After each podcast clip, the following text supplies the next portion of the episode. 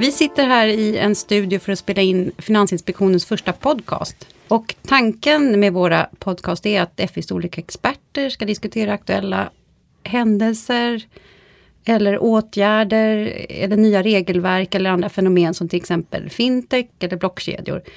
Och ambitionen är att vi ska komma ut med en ny podcast ungefär varje månad. Och jag som talar nu heter Victoria Eriksson och jobbar som pressekreterare.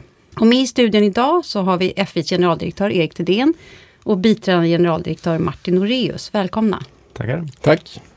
Och FI är en myndighet med ungefär 460 anställda och vi sitter i centrala Stockholm och har till uppdrag att bidra till ett stabilt finansiellt system som präglas av högt förtroende med välfungerande marknader. Samtidigt som det finns ett högt skydd för konsumenter. Eh, Eh, FI ska då både värna stabilitet och den enskilda konsumenten. Det låter sig lite motsägelsefullt. Hur går det ihop Erik? Jag tycker det går bra ihop. Det är delvis olika uppdrag men de går i varandra. Och eh, grundförutsättningen för konsumentskydd är ju att de institut som man eh, sätter in pengar hos eller tar en försäkring hos eller eh, sparar i fonder hos, att de är stabila, att de har tillräckligt eget kapital, och att de har ordning och reda på sin styrning. Så stabilitetsfrågan är i någon mening fundamentet för ett gott konsumentskydd. Så jag tycker de där eh, kompletterar varandra. Sen kan man ju säga också att eh, det finns ju en, en jätteviktig gemensam nämnare, både när man tänker konsumenter och när man tänker stabilitet. Och det är ju eh, hur viktigt förtroendet är i finanssektorn. Och det, det handlar egentligen, nästan all reglering om finans, av finanssektorn handlar i grunden om att säkerställa ett, ett högt förtroende för finanssektorn. Och det man tänker kanske mest på, det är ju när vi har haft stora finanskriser, ungefär som hösten 2008 med, med Lehman, när de stora bankerna tappade förtroende för varandra och marknaderna kraschade och så vidare. Då är det väldigt viktigt att, att eh, myndigheterna har liksom, verktyg för att eh, säkerställa förtroende. Men det handlar lika mycket om eh, medborgarnas och konsumenternas förtroende för de finansiella företagen.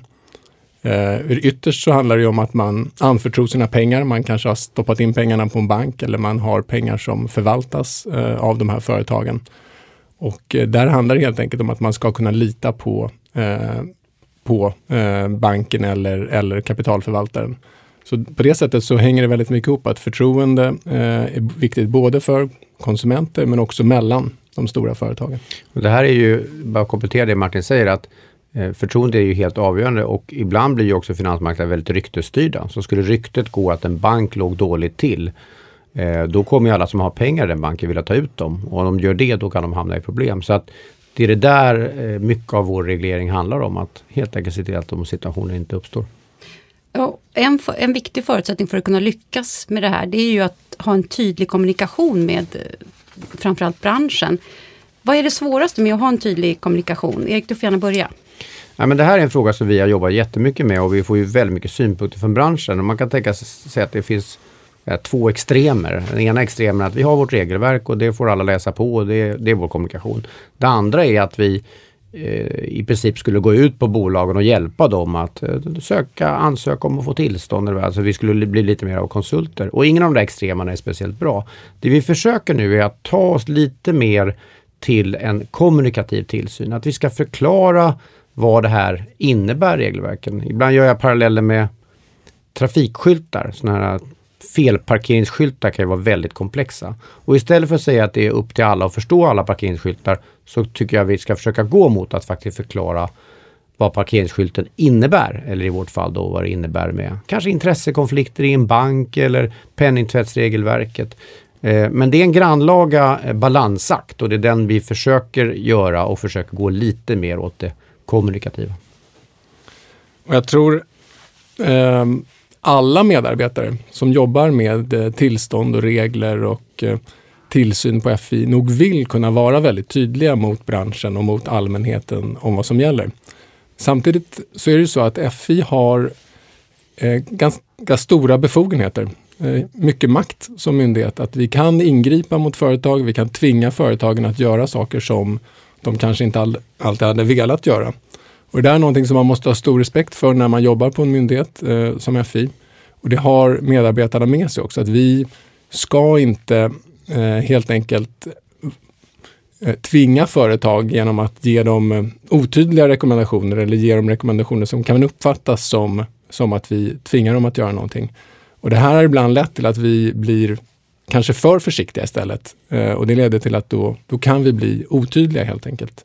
Och det där är någonting som vi vill försöka komma till rätta med och bli tydligare utan att för den delen hamna i ett läge där det kan uppfattas som att vi tvingar någon. Men det finns också lite grann av en nidbild här som jag tycker man ska ändå kunna tala om. att jag tror att för att vi ibland har uppfattat som att vi inte kommunicerar så mycket så har det också beskrivits ibland till mig, folk som jag träffar på stan, att nej, de rådgivare jag pratar med, de säger ni ska inte ringa Finansinspektionen för de svarar ännu, utan låt mig göra det. Det vill säga det sprids en bild av att det går inte ens att samtala med oss. Och det var en av de här som stötte på mig och så sa vad ska jag göra? sa han till mig. Ja men du får väl ringa eh, någon person här. Så gav jag till och med den här personen ett namn. Eh, och så gjorde han det och så återkom han till mig eh, och sa han, det var ju superbra person jag pratade med. Fick eh, väldigt mycket bra svar på mina frågor. Eh, så att det är också lite grann en attityd hos, hos branschen och rådgivarna att det går faktiskt att samtala med oss. Inte om allt och inte hela tiden. Eh, men redan idag eh, så, så, så svarar vi på frågor och försöker så långt det går att, att hjälpa till, hjälpa bolagen på traven så att säga. Det här är också en, en eh, tror jag, tydlig lärdom för, för oss eh, från de senaste åren att vi behöver ibland ta fler eh, möten och fler direkta kontakter med företagen. För som myndighet som hanterar väldigt mycket, eh, många undersökningar, många tillståndsärenden, så finns det förstås en risk att man lite grann fastnar i eh, långa skriftväxlingar med olika företag. Och då är det mycket information som försvinner på vägen. Det kan bli missförstånd. Och saker och ting eh, kan bli ibland då mer komplicerade än de egentligen är.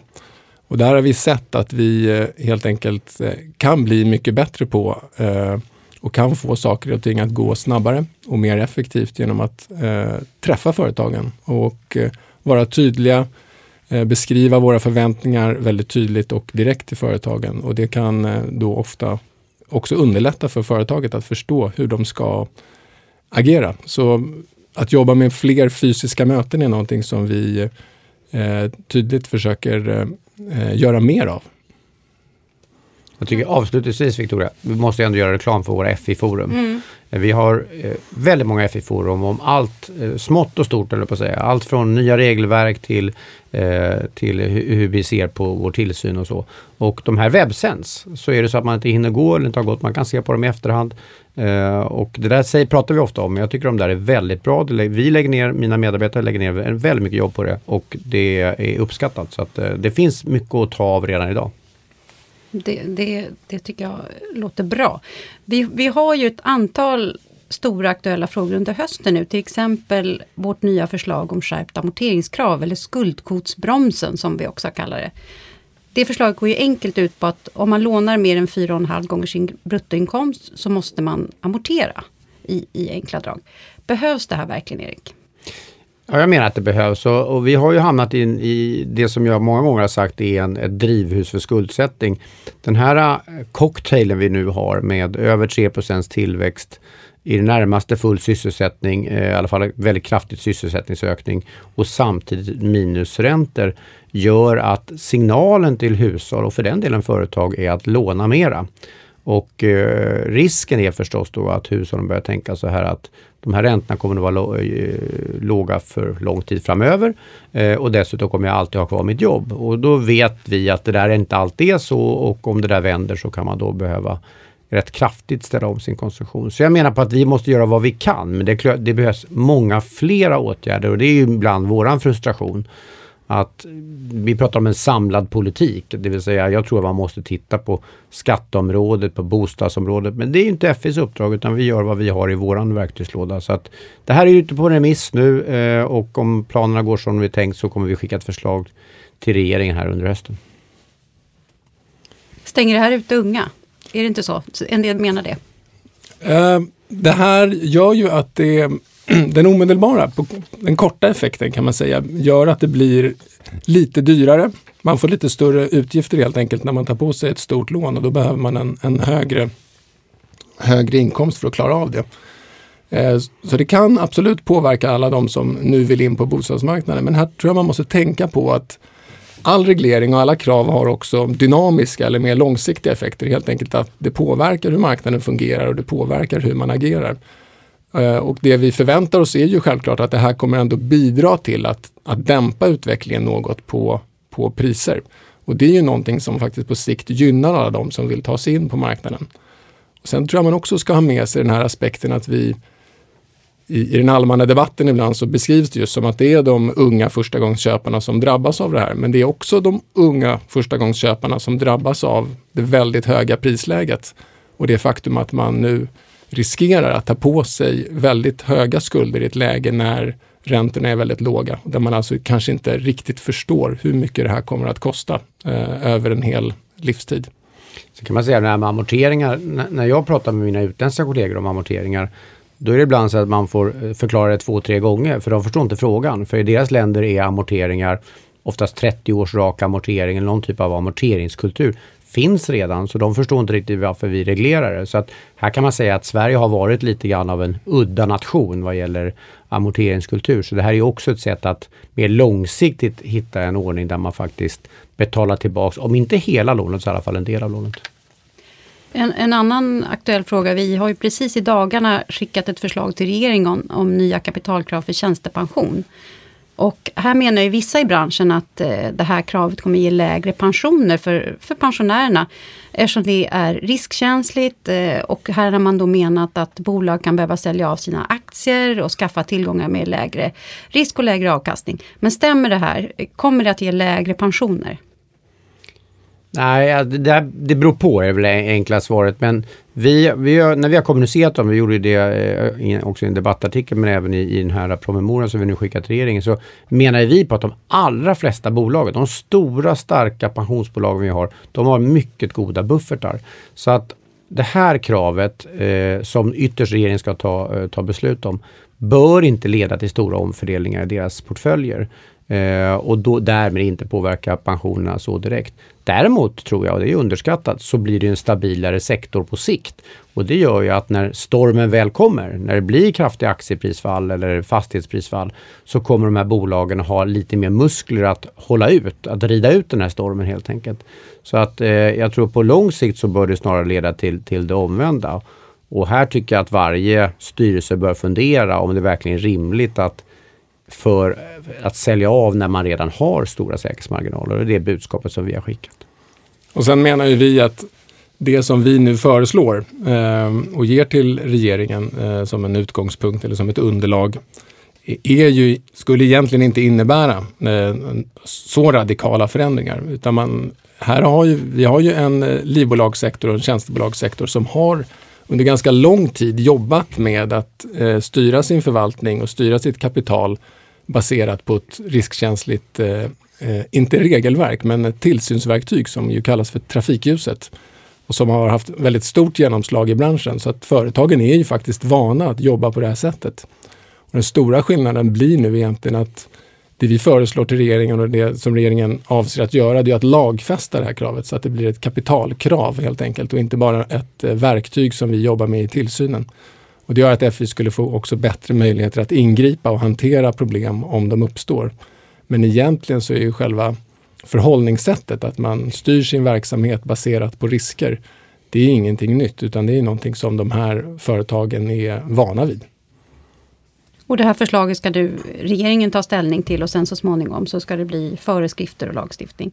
Eh, en annan aktuell fråga det är eh, reglerna för inlåningsföretagen. FI har vid fler, flera tillfällen de senaste åren lyft eh, den frågan. Eh, inlåningsföretagen står inte under FIs tillsyn och de har ingen statlig insättningsgaranti för, för insättarna som sätter in pengar på deras konton. Eh, borde FI göra mer för att skydda konsumenterna när det gäller inlåningsföretagen? Nej, men det här tycker jag är ett exempel på där man hamnar, jag tror att lagstiftarna har hamnat i en, i en, ganska dålig kompromiss. Att man ville då när det här lagstiftas om ha ökad konkurrens, det vill säga här skulle det finnas företag som inte var regeltyngda på samma sätt som kreditmarknadsbolag och banker och på så sätt skulle konkurrera lite frimodigt på den här marknaden. Men man sa ändå, men man vågar inte gå så långt som man sa, ja, men då borde ändå vara registrerad hos FI. Och det borde finnas minsta kapitalkrav eh, som då ytterst vi ska eh, övervaka. Men i övrigt får vi inte göra någonting. Och det innebär att de här företagen sätter förstås, många av dem sätter upp en skylt och där det står att de är, de är registrerade av Finansinspektionen. För konsumenter låter det här som att de är under ett ganska tryggt, eh, tryggt förvar så att säga. Men i själva verket, vi har ingen tillsyn i de här bolagen. Det var inte lagstiftarens mening. Och, och, då har vi hamnat i ett läge där eh, hushållen inte helt enkelt förstår riskerna. Och dessutom kanske att det finns en del av de här bolagen som inte beter sig som man bör göra. Så att vi har ju föreslagit att de här typerna av bolagen helt enkelt tas bort och att den ska in under den nuvarande lagstiftningen. Men ytterst kommer det eh, landa på regeringen. Men en varning till hushållen här. Om man får, blir erbjuden inlåningsräntor på 5, 6, 7 procent.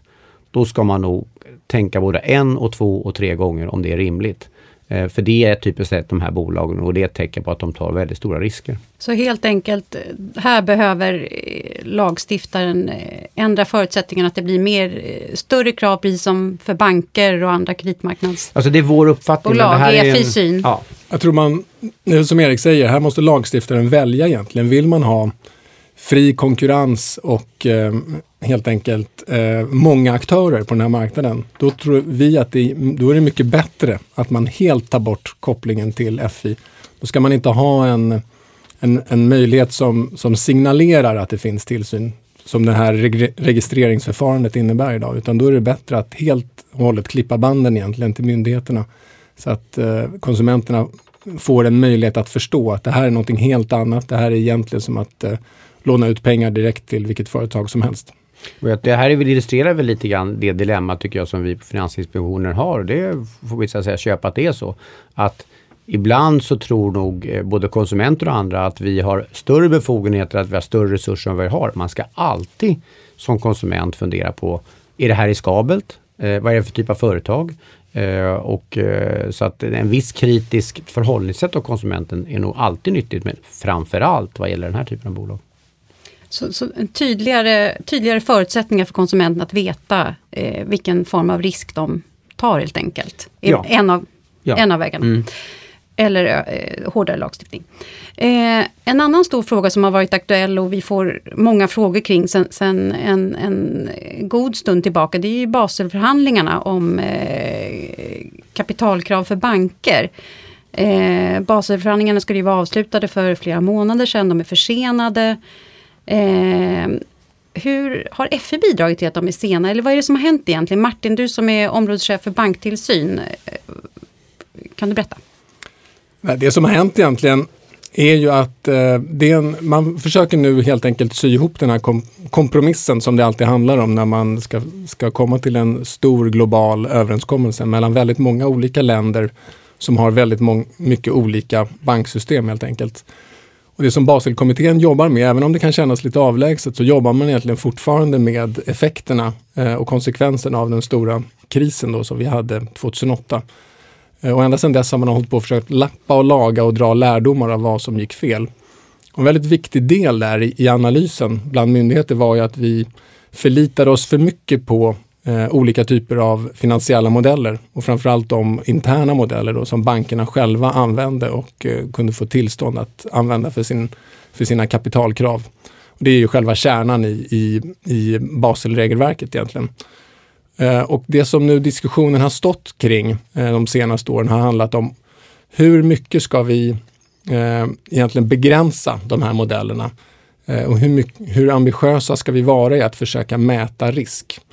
För det är, det är klart att vi, de flesta är överens om att man vill gärna ha riskbaserade kapitalkrav. Alltså man ska ha mer kapital eh, om banken tar mer risk. Man ska kunna ha lite mindre kapital om banken tar mindre risk. Men samtidigt så vill man inte förlita sig för mycket på olika typer av modeller. För då när man försöker riskkoppla och riskbasera så behöver man alltid använda sig av någon typ av modell. Eh, och då är det egentligen två läger här. Det finns ena lägret som är, om man eh, eh, förenklar lite grann så kan man säga att det anförs av USA där man eh, vill gärna begränsa modellerna mycket mer. Eh, och låta dem ha ett ganska litet inslag egentligen eh, för att bestämma kapitalkraven. Och sen har vi på andra sidan har vi framförallt eh, Europa där banksektorn också är mycket viktigare för eh, finansieringen i ekonomin. Eh, och i Europa har man varit helt enkelt mycket mer tveksam till att allt för mycket begränsa eh, eh, just modellernas och riskmätningen. Och det handlar ju mycket om att I Europa har man också ett större inslag av banker som ägnar sig åt olika typer av lågriskverksamheter. Och det är mellan de här två liksom, ståndpunkterna, det är där man för, nu försöker mötas. Och det är komplicerat och svårt. Eh, men vi är ju ändå ganska optimistiska till att det ska gå att hitta en, en lösning på det här. Och det lite paradoxala är och det som Martin är inne på att vi har en global överenskommelse för alla banker, men banksystemen ser extremt olika ut. Och ett bra exempel tycker jag är bolån. Svenska banker har väldigt stor exponering mot bolån. Det är deras huvudsakliga exponering. Amerikanska banker har nästan ingen exponering alls mot bolån, för det ligger nämligen i två stycken halvstatliga eller för att inte säga helstatliga institut. Så att den här globala överenskommelsen har då stor bäring på svenska och andra bolåne Eh, i Europa, men har ingen koppling alls till amerikanska bolag. Och det är klart, den typen av väldigt stora skillnader gör att de här förhandlingarna är ganska komplicerade. Egentligen är det helt oaktat vad man tycker om eh, eh, interna modeller, så är det också en konfliktyta i det här. Jag tror faktiskt att det får bli sista orden i vår första podd. Tiden börjar rinna iväg. Eh, nästa gång vi går in i studion så kommer vi prata om åtgärder mot penningtvätt och finansiering av terrorism. Eh, och det blir om ungefär en månad. Eh, jag tänkte bara avsluta med att säga grattis Erik som du fyller år idag. Ja, tack Victoria. Och tack för att ni har lyssnat.